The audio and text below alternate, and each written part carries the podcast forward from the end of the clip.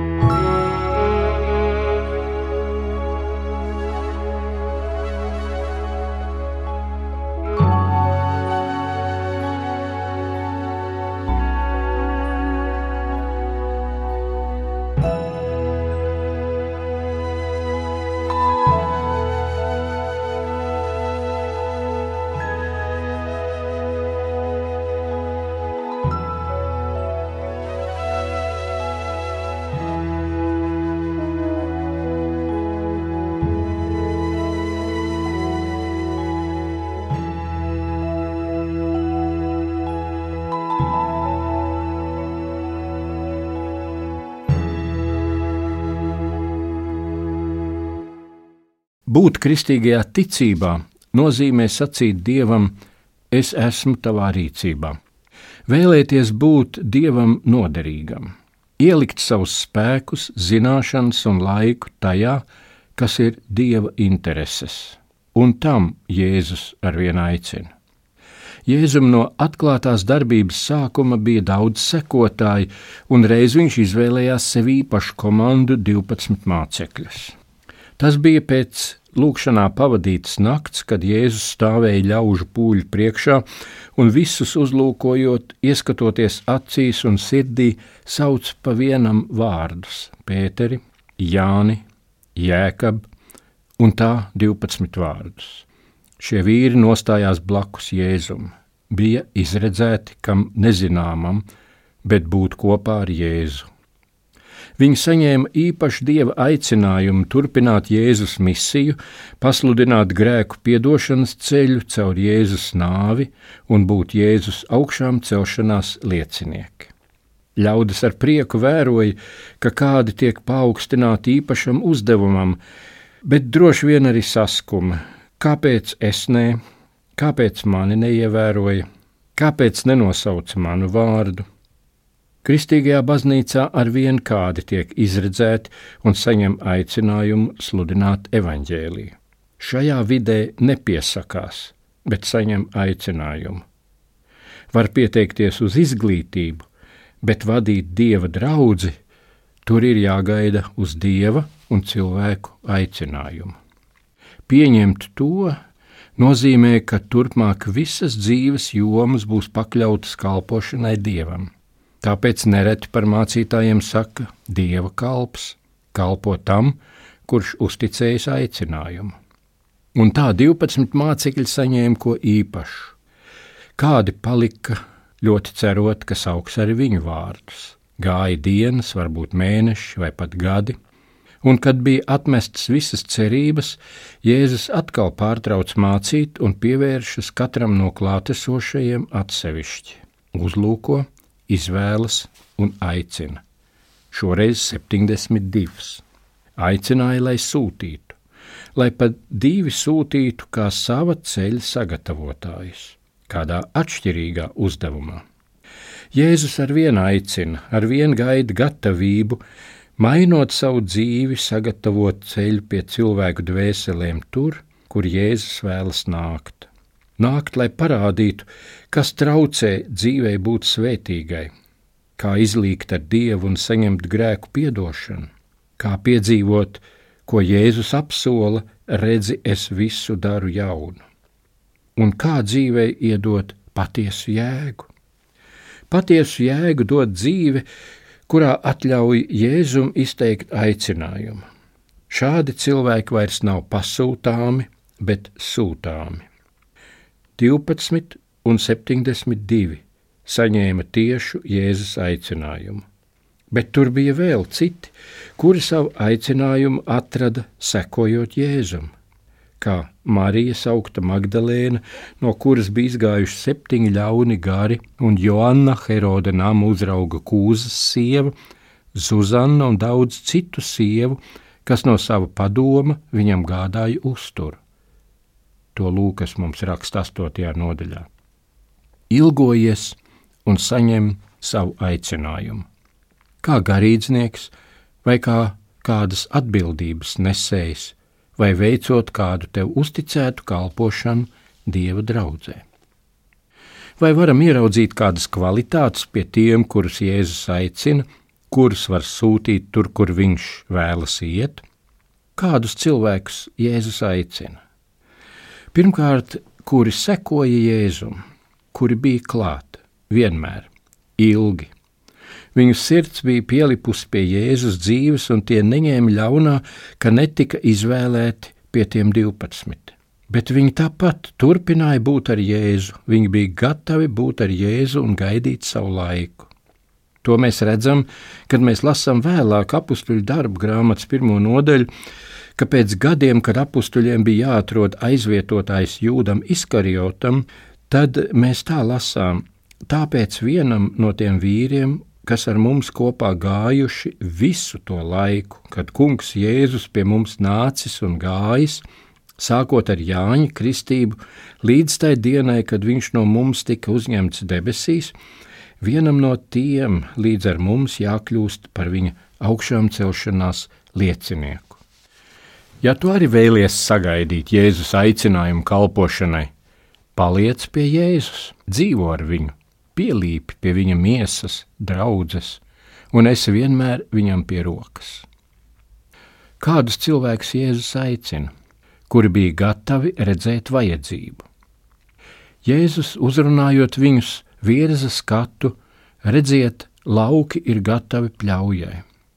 To Jēzus saka pārnestā nozīmē, Vai neievērojat, ka cilvēki ap jums ir gatavi saņemt vēsti? Ja pļauja nenotiks, graudi aizies bojā. Ja cilvēki nesaņems dieva pieskārienu, viņu dzīve būs dzīvota veltīgi. Ja mērķis tikt ievāktiem kā vērtīgai ražai dieva sagatavotajā mūžībā nepiepildīsies, tad cilvēki kļūs par elles ražu, veltīga dzīve un pazušana. Ko tu redzi ap sevi? Vai tu redzi cilvēku vajadzības, klusos saucienus pēc palīdzības, ilgas atrast to, ko tikai nojaušot meklē, redzēt, kādai ellē pretī iet tie, ja nav dieva, redzēt drūvas gaida pļāvējus, tie, kuri bija gatavi redzēt vajadzību. Un Jēzus izsaka ko neparastu: skubiniet saimnieku, lai sūta pļāvējus. Parasti tā ir saimnieka rūpe, lai strādnieki tiktu izsūtīti. Bet nu jāuzņemas līdz rūpes par situāciju. Var tikt sūtīts ne vairs kā skatītājs, ne kā strādnieks, bet kā darba biedrs, kā viena plāna dalībnieks. Šī sūtība sākas ar lūgumu dievam: Dievs, sūti, sūti mani pasaules pļaujā! Kādus cilvēkus Jēzus aicina, kuri bija gatavi redzēt vajadzību, un vēl, kuri, lai paklausītu, bija gatavi izmainīt savu dzīves režīmu. Jēzus teica, ejiet, un viņi gāja. Mērķis apskaidroja ceļu. Būt dieva aicinājumā nozīmē savus dzīves plānus ielikt dieva rokās, atteikties, lai nebūtu traucēkļi, uzņemties, lai kļūtu derīgs. Tad sākās izmaiņas, arī pavisam praktiskas. Tam, kurš vēlas būt Jēzus aicinājumā, tam jābūt gatavam, ka dzīvē ienāks izmaiņas, jo dzīve ies uz citu mērķi. Un kad Jēzus vēlāk jautā saviem mācekļiem, kad es jūs sūtīju bez maka un somas un kurpēm, vai jums kā trūka, un tie sacīja nekā. Vai nav neparasti, ka Jēzus neapmāca viņus teoloģijā vai psiholoģijā, bet runā par praktiskiem jautājumiem viņu sūtībā. Jēzus vairāk uzmanību pievērš praktiskajiem sekošanas noteikumiem un mazāk par to, kas jāsludina. Izejot Jēzus uzdevumā, parasti sašaurinās dzīves labumu iespējas, bet beigās prieks par sūtību ir lielāks par ierobežojumiem. Un Jēzus jau pirms sūtības runā par to, kas sagaida. Viņi bija gatavi pieticīgai dzīvei, esot Jēzus sūtībā. Kurus Jēzus aicina, kuri, lai paklausītu, bija gatavi izmainīt savu dzīves režīmu. Un Jēzus raksturo savu aicinājumu uzdevumu, un tas pirmais, ko viņš saka, ejiet un nesveiciniet. Neko neievērojiet savā ceļā, bet tā gāja tikai ķēniņa sūtņi, nesot svarīgus paziņojumus. Ceļinieki gāja lēnāk. Ja kādā ceļā kādu sastapa, tad sveiciens izvērtās par sarunu un sarunu par atpūtu. Bet Jēzus vēsts ir tik svarīga, ka tā nedrīkst nekur kavēties. Nedrīkst apstāties pie katra pretimnācēja vai pazaudēt laiku, vai aizmirst savu sūtību. Esiet kā ķēniņa sūtņi, Ejiet, nesveiciniet, jums ir mērķis un uzdevums. Jēzus raksturo vēl savu aicinājumu un saka: nesiet mieru. Ja jūs ieiet kādā namā, tad sakiet vispirms miers šim namam. Ir redzēts, ka šo sveicienu izlieto labdien vietā. Un kāpēc gan ne? Bet svarīgāk, ka nest mieru saņem kā Jēzus dot uzdevumu, kur ieej nes mieru. Lai izējot no nama, tur paliek priecīgāki cilvēki, izlīdzinātāki konflikti, cits redzējums uz ikdienas sarūktinājumiem, mazāk pārmetumu viens otram. Vai neesat ievērojuši, ka ir cilvēki, kuru sarunas satrauc, sēž nemieru un skumjas domas, un ir arī citi, kurus gaida atkal, jo sarunas nes cerību, iedvesmu, prieku un mieru kas tev izdodas. Ejot Jēzus uzdevumā, nes mieru, kur vien ieej. Un Jēzus raksturo vēl savu aicinājumu uzdevumu un saka: dziediniet. dziediniet slimniekus, kas tur ir, un sakiet viņiem, tuvu pie jums ir nākusi Dieva valstība. Jēzus atļauj ar aizlūgšanu un evaņģēliju dziedināt, un šeit nevajag licenci. Izdziedināt nav mūsu varā, bet ieraudzīt vajadzību un lūgt Jēzu to darīt, tas ir uzdevums. Jēzus šeit savieno veselības trūkumu ar dieva tuvuma trūkumu.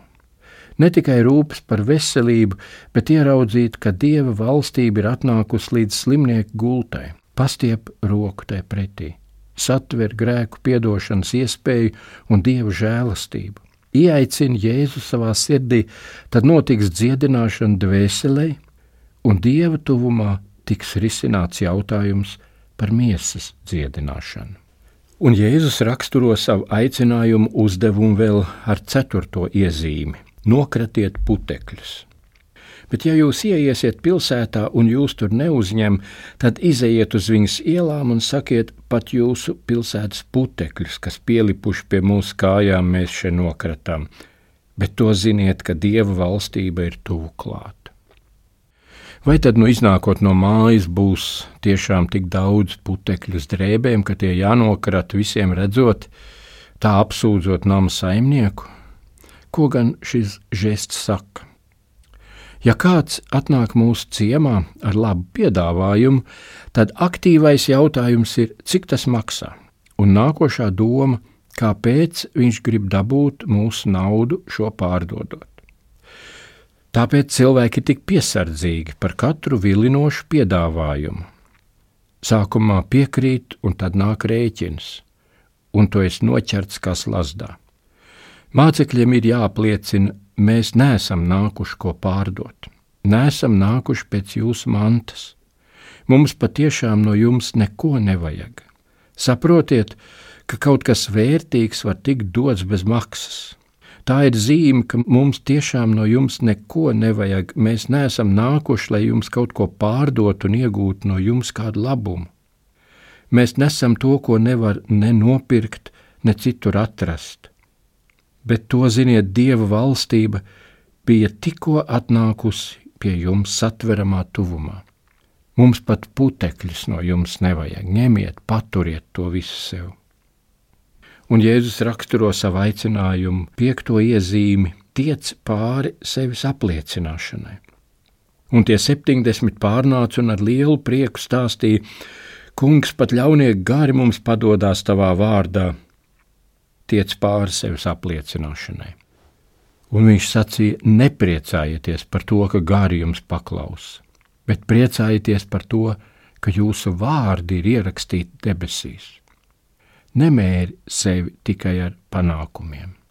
Tu esi darbarīgs svētā gara cīņā pret vēlnu varu. Tā vara tiek dota pēc vajadzības un dieva plāna. Svarīgākais nav, ka gari man paklaus. Beigās skats, lai nav uz maniem panākumiem. Tie var būt un var arī nebūt, bet uz to, ka tavs vārds būs rakstīts mūžības sarakstos. Paturi acīs galveno, Dieva valstība ir tuvu nākusi, Jēzus nāks pie jums. Un tas sāks notikt, sakot, Jēzu, es esmu tavā rīcībā, lieto mani. Dzīvojiet uzticībā Kristum, un darīs viņš vairāk, kā jūs varat iedomāties, un ar to vienu, lai daudzu vārdi tiktu rakstīti mūžības grāmatā. Āmen!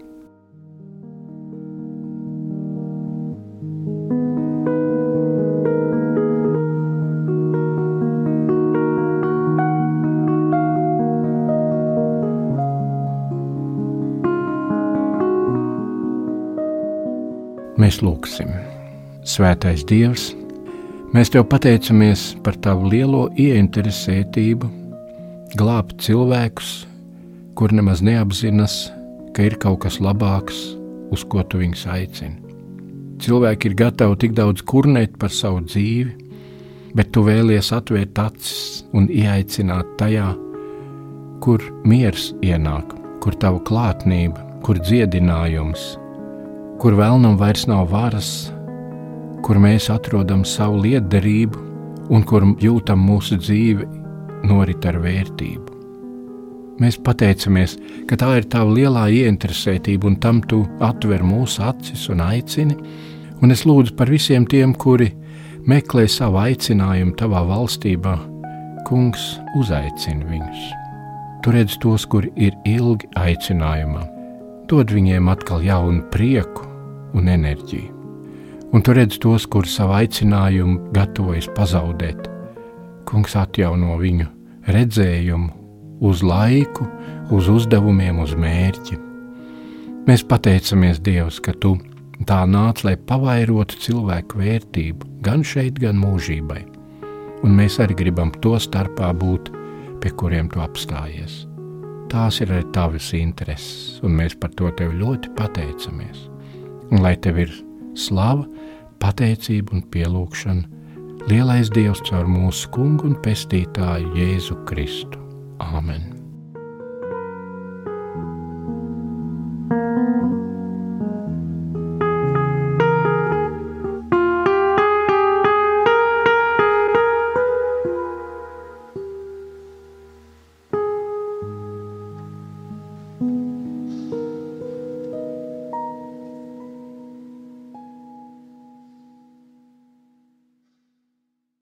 Svētīgu svētdienu vēlot, Ar jums kopā bija Edgars Godiņš, baptistu mācītājs.